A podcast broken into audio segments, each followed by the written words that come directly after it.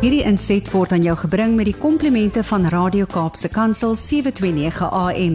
Besoek ons gerus by www.cape pulpit.co.za. Goeiedag en baie welkom by die program Markplek Ambassadeurs, die program hier op Radio Kaapse Kansel van CBC Suid-Afrika. En CBC is die Christen Sakemanne Komitee of die Christian Business Men's Connection wat 'n wêreldwye bediening is wat ehm um, fokus daarop om sakepersone by die Here Jesus Christus uit te kry en dan ook hulle te help om te groei in hulle verhouding met die Here Jesus en natuurlik dan ook uiteindelik om as disippels op te tree as disipelmakers en dan op die einde van die dag natuurlik ook ehm um, op te tree as sy ambassadeurs. En dit is ook wat die naam van ons program is markplek ambassadeurs en um, ons is besig ook met 'n reeks en ons het die laaste paar weke het ons um, het ek met gaste gesels in die, hier in die ateljee met Regat van der Berg vir 'n paar weke en toe met Andre Diedericks vir die laaste 2 weke. So ek wil teruggaan en gaan en gaan optel waar ons geëindig het met ons reeks oor oor leierskapslesse uit die Bybel uit of leierskapsbeginsels uit die Bybel uit. Wat kan ons leer, goed of sleg uit die uit die Bybel uit oor karakters?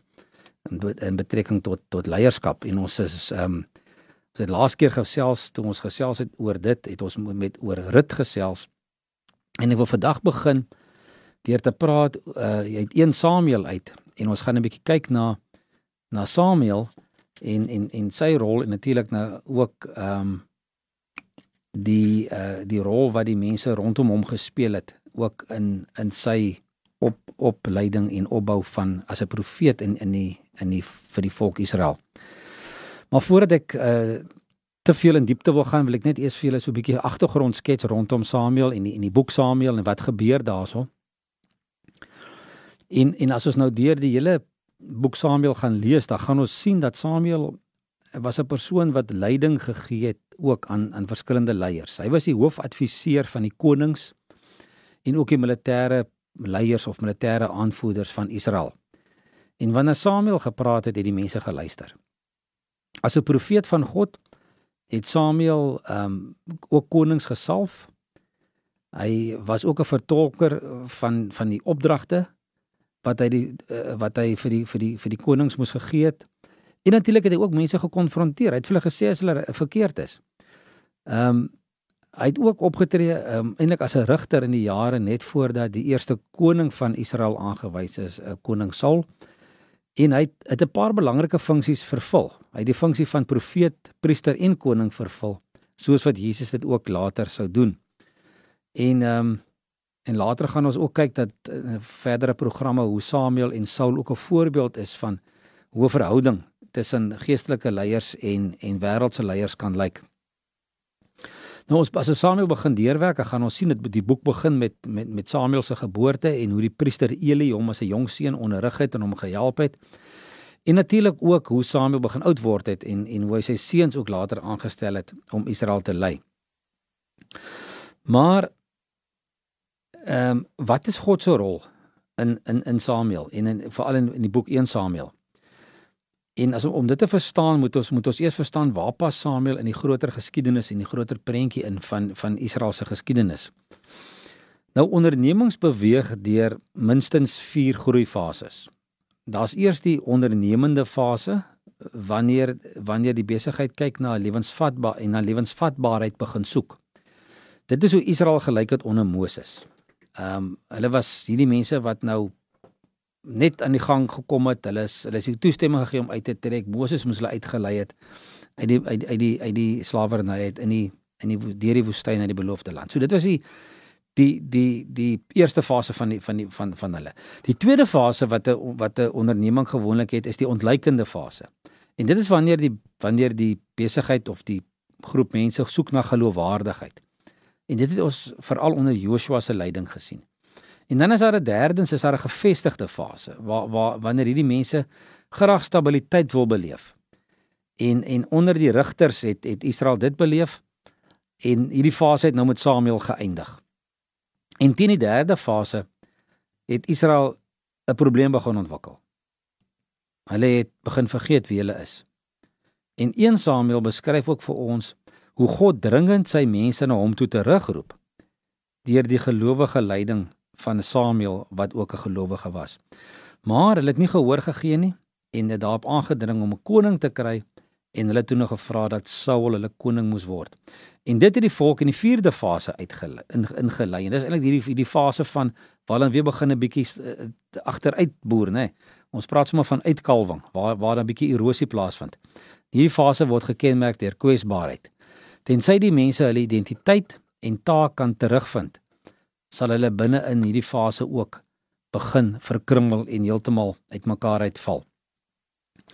Nou Samuel, ehm um, soos ek nou net gesê het, was hy hoofadviseur aan die aan die konings en die militêre leiers in Israel. Hy het 'n magsposisie gehad. Hy was 'n profeet.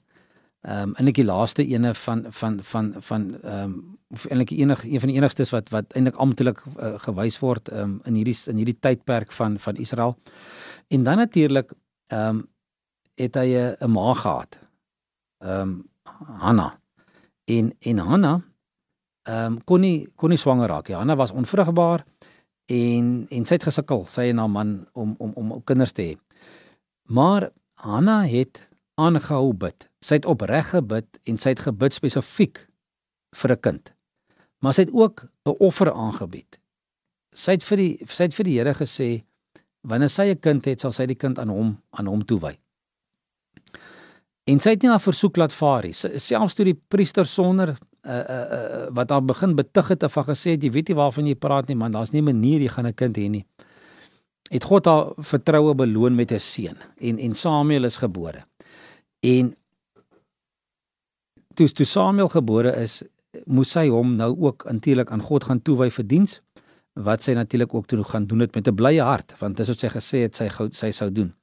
So gebed het ook die koers van Hanna se lewe verander en 'n impak op die hele volk Israel gehad. Want haar seun Samuel sou later 'n sleutelrol speel ook gedurende koning Dawid se lewenstyd uh, waar waar hy rol sou vervul het as God se profeet. Nou Samuel het 'n invloed gehad um, wat homself eintlik oorleef het wat wat baie geslagte daarna praat mense nog oor Samuel en dit wat hy dit wat hy gedoen het. As ek net vir julle uit die Bybel uit kan miskien net 'n paar verse lees rondom dit en, en soos albei hoofstuk 1 van 1 Samuel hoofstuk 1 begin hier by vers 20 rond. Dan staan daar so dat Hanna uiteindelik toe nou swanger geraak het, sy het 'n seun in die wêreld gebring en sy het uitgeroep sy naam is Samuel. En dit beteken van die Here het ek hom afgesmeek. En uh, toe Elkana, dit is nou ehm um, Elkana was nou Samuel se pa en sy hele gesin gaan om 'n jaarlikse offer aan die Here te bring en sy gelofte te betaal, het Hanna nie saamgegaan nie want sy het vir haar man gesê: "Wanneer die seun gespeen is, sal ek hom wegbring dat hy voor die Here verskyn en dan vir altyd daar kan bly."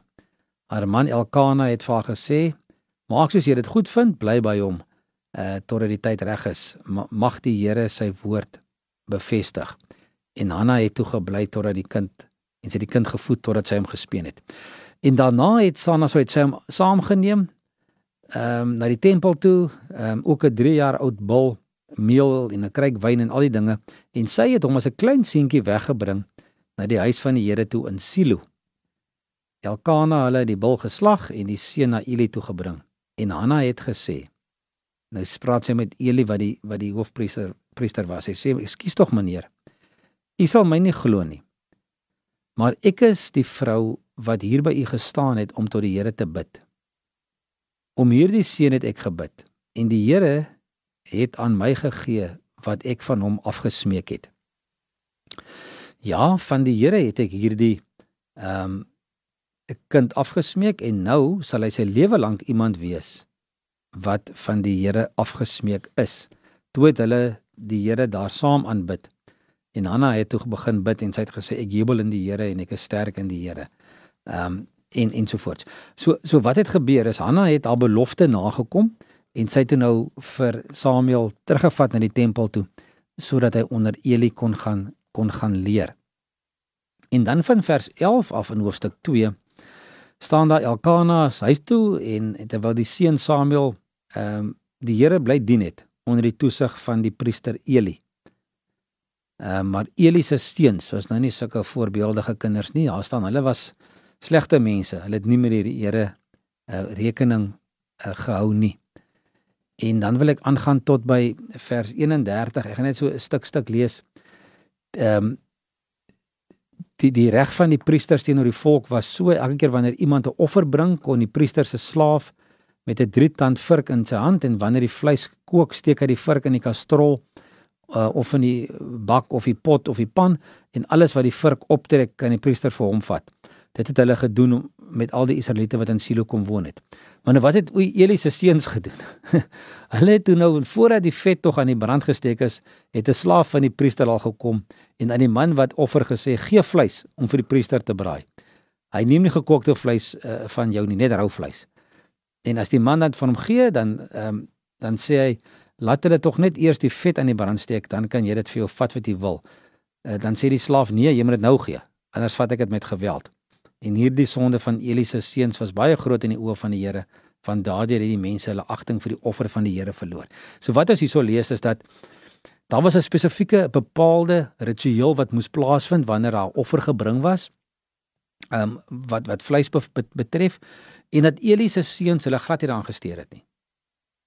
Eli wat die wat die priester was, daar was goed wat hy moes na was hy moes nakom en hoe hy kon homself uh, um voorsien uit die uit die offer uit. En sy kinders het net gesê nee, hulle wil hulle eie ding doen, hulle gaan vat wat hulle wil. En en hulle het toe nou heeltemal uh, uh, verkeerd gehandel en verkeerd in die oë van die Here en eintlik so half en half heeltemal heeltemal uh, goddeloos um, gehandel. En dan ehm uh, laaste paar verse vers van vers 27 af in, in 1 Samuel 1. Ehm um, ek skiet tog in 1 Samuel 2. 'n Man van God het by Eli gekom en vir hom gesê: "Sê vir die Here, Ek het my duidelik geopenbaar aan die huis van jou stamvader toe die volk in Egipte aan die faraos onderdanig was.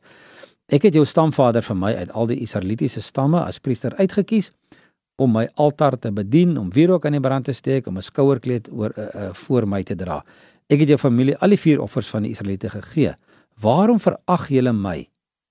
'n uh, diereoffer en my graanoffer waarvoor ek voorskrifte in my woonplek gegee het. En waarom ag jy jou seuns belangriker as vir my? Deurdat julle wat julle vet maak met die beste uit al die offers van die volk Israel. Daarom lewer die Here die God van Israel uitspraak. Ek het nadruklik gesê jou huis en jou nageslag sal my altyd in die tempel dien. Maar nou sê ek, die Here, dit sal nie gebeur nie. Van die een wat my eer sal ek eer en die een wat my minag sal ek minag. Daar kom 'n tyd dat ek die priesterskap van jou, van jou en jou familie sal wegvat. En in jou familie sal niemand oud word nie. En dit is nogal 'n harde ding wat die Here hierso vir vir Eli kom kom uh kom uh kom sê. Maar wat het eintlik hier gebeur?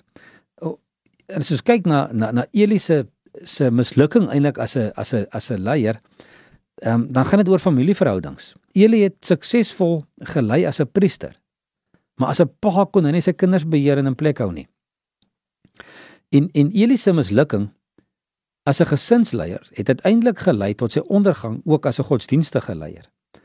Hy was 'n geëerde rigter van Israel, maar kon sy eie twee seuns nie dissiplineer nie, sodat hulle hom uiteindelik oneer aangedoen het met hulle opstandigheid en korrupsie.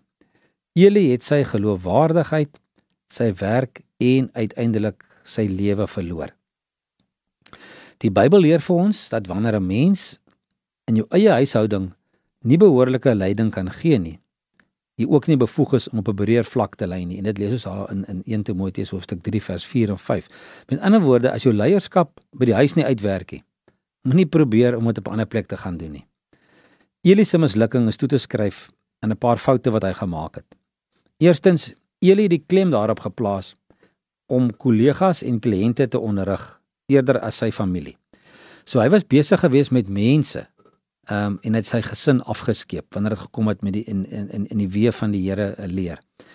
En dan Eli het gereken dat sy seun se begrip sal gevorm word as hulle net in die huis van God leef en werk. Dis daai ding wat die mense baie keer sê, jy weet as jy in 'n garage groot raak, gaan jy nie 'n kar word nie. Jy weet as jy in 'n in 'n restaurant groot raak, gaan jy nie 'n hamburger word nie. En Eli het gedink as sy kinders in die tempel groot raak en hierdie in hierdie milieu waar hulle is, dan gaan hulle die Here sommer uh, van self dien, wat eintlik nog nie gebeur het nie. En Eli het het het nagelaat om dit wat hy verkondig het by sy werksplek, ehm um, daar waar hy uh, in die tempel diens gedoen het, het hy nie by die huis kom toepas nie. En dan uh die vierde ene Eli het so verstrik geraak en en verstrengel in al die aspekte van sy posisie as as 'n as 'n rigter en 'n en 'n en 'n leier hierso in die in die tempel dat hy hom blind gehou het vir sy mislukking as 'n pa. So hy hy het sy werk uitstekend gedoen, maar as 'n pa het hy het hy gefaal. Nou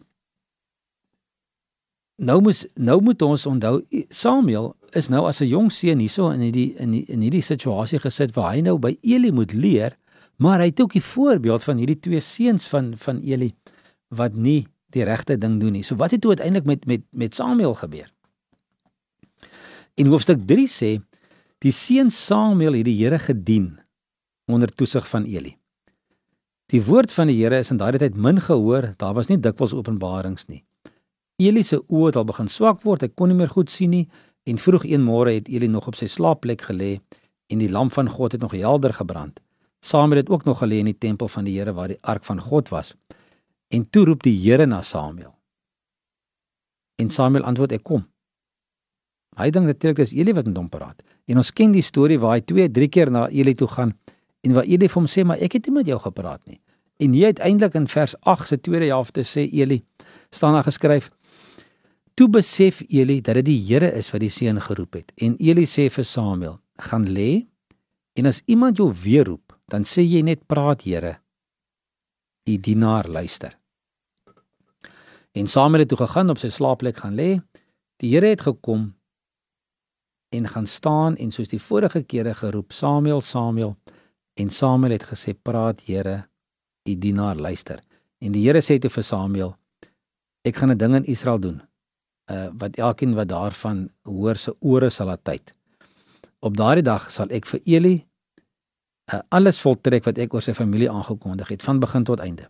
Ek het aan hom bekend gemaak dat ek sy familie vir altyd gaan straf oor die ongeregtigheid waarvan hy geweet het, natuurlik wat sy kinders aangevang het. En ja, toe sy seuns die vloek oor hulle gebring het, het hy hulle nie bestraf nie. Daarom bevestig ek met 'n eed aangaande die familie van Eli. Nou is dit die Here wat praat. Eli se familie sal sekerlik nooit deur diereoffer of graanoffer versoen word nie. Daarna het Samuel gaan lê tot die oggend. En uh, toe die deure van die huis van die Here oopgemaak uh, later en hy was bang om die openbaring aan Eli te gaan vertel. Uh, maar Eli het vir hom gesê Samuel Samuel my seun en Samuel sê ek kom en toe sê hy vir hom wat het die Here met jou gepraat? Moenie iets my wegsteek nie. God sal jou met die doodstraf as jy iets van uh, wat hy aan jou bekend gemaak het vir my wegsteek.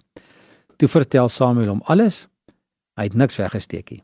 En Eli het gesê hy is die Here, laat hom doen soos hy wil. So so besef Eli natuurlik hy's 'n bietjie hy's 'n bietjie in die moeilikheid nou hierso, né? En dan Samuel het groot geword, die Here was by hom en hy het nie hy het nie um, een van Samuel se woorde onvervul gelaat nie. En die hele Israel van noord tot suid het gemerk dat Samuel betroubaar was as profeet van die Here. Die Here het weer in Silo verskyn want hy het hom in Silo aan Samuel geopenbaar deur die woord van die Here. Samuel se woorde was aan die hele Israel gerig. So ons lees hierso wat leer ons van Samuel? Ons leer hierso in die gedeelte Samuel is iemand wat geluister het en gereageer het in gehoorsaamheid op dit wat die Here vir hom gesê het. So wat is die leierskap beginsel? Luister. Luister wanneer mense met jou praat, luister wanneer God met jou praat. Luister aandagtig en gaan pas dit toe. So Samuel het geleer om na God te luister en sy wil bekend te maak. By Samuel leer ons dat ons God kan hoor deur eenvoudig eh, te beoefen, hè. Jy moet jy moet oefen om te luister. Samuel het alles wat hy gehoor het gaan toepas. Die tweede ding is jou ingesteldheid. Samuel het kalm en stil geword en met konsentrasie geluister. Hy het nie gedink hy weet beter of hy gaan sy eie ding probeer doen en vir Eli sê wat hy wil sê nie. Hy het gehoor wat wil die Here hê moet hy sê. En natuurlik die derde ding is Samuel het in God se teenwoordigheid bly lewe. Alle leiers ehm um, in leierskapposisies moet God se stem leer herken, net soos die seun Samuel dit moes leer ken. Terwyl hy eendag naby die ark van God op die vloer gelê het, het God hom geroep En Samuel het wel gehoor, maar dit nooit as die Vader se stem erken nie.